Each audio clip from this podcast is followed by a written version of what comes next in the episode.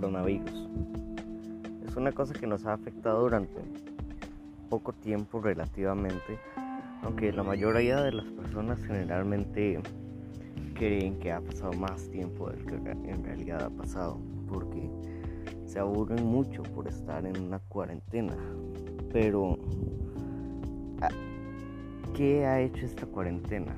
Porque no todos están en cuarentena, eso sí es cierto. Algunos la rompen y salen sin permisos y siendo ilegales al hacerlo.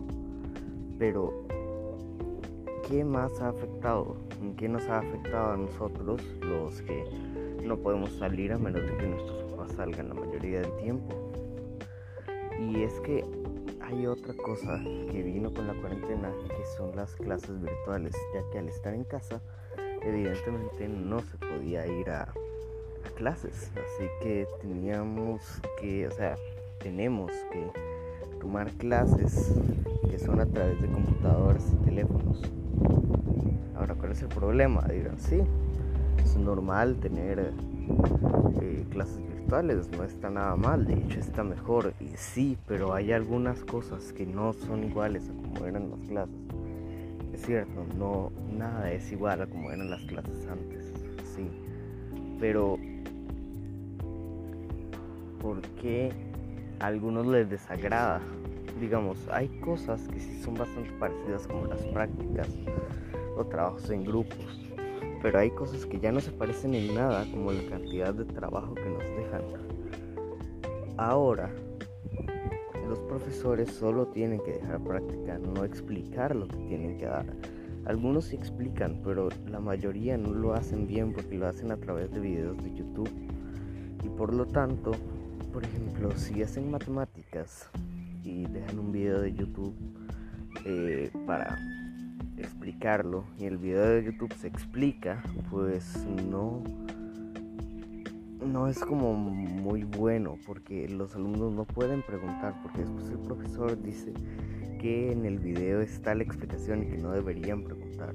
Por lo tanto, no se puede. Igual matemáticas es una materia en la que se tiene que preguntar mucho y el profesor puede explicarlo tres veces y puede que el alumno no entienda.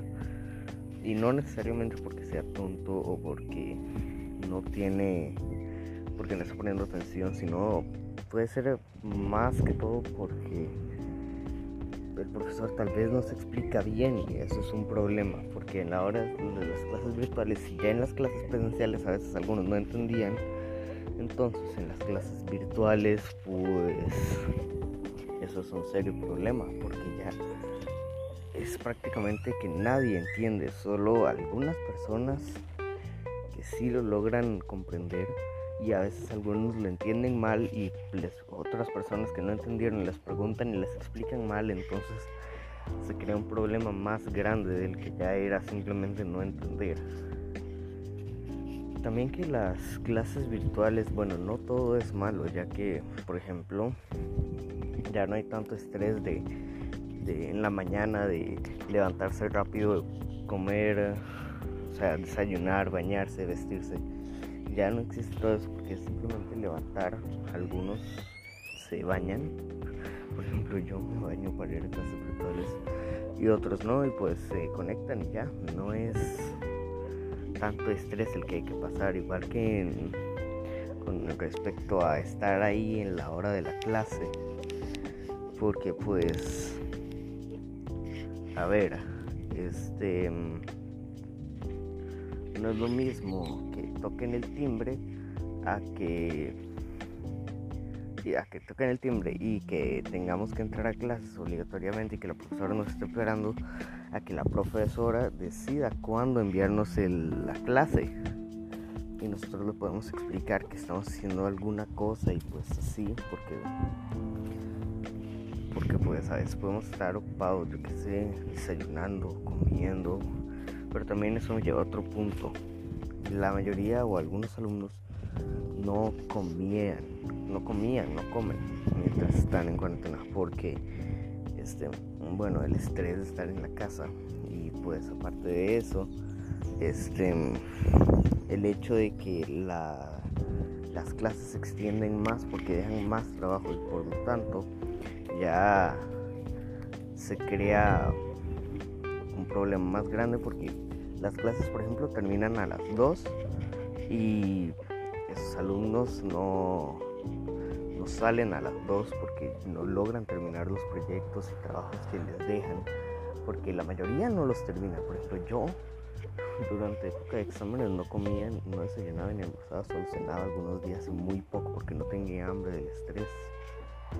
Eh, también algunos días llegaba a no almorzar o no comer bien porque estoy haciendo trabajos y en clases eh, virtuales los recreos casi que no cuentan, no existen porque los profesores dejan tanto trabajo que el recreo ya se vuelve parte de la clase. Y pues eso es todo lo que tengo que decir acerca de las clases virtuales. Bueno, que sí es un poco más cómodo que las clases presenciales por el hecho de que no, no sé, sí sigue siendo un poco más cómodo. Claro, los primeros días uno se queja porque le está doliendo la cabeza y todo eso por ver pantallas tan temprano y tanto tiempo. No es bueno, los primeros días uno no se acostumbra rápido, pero ya es diferente pues. Bueno eso es todo lo que tengo que decir. Gracias.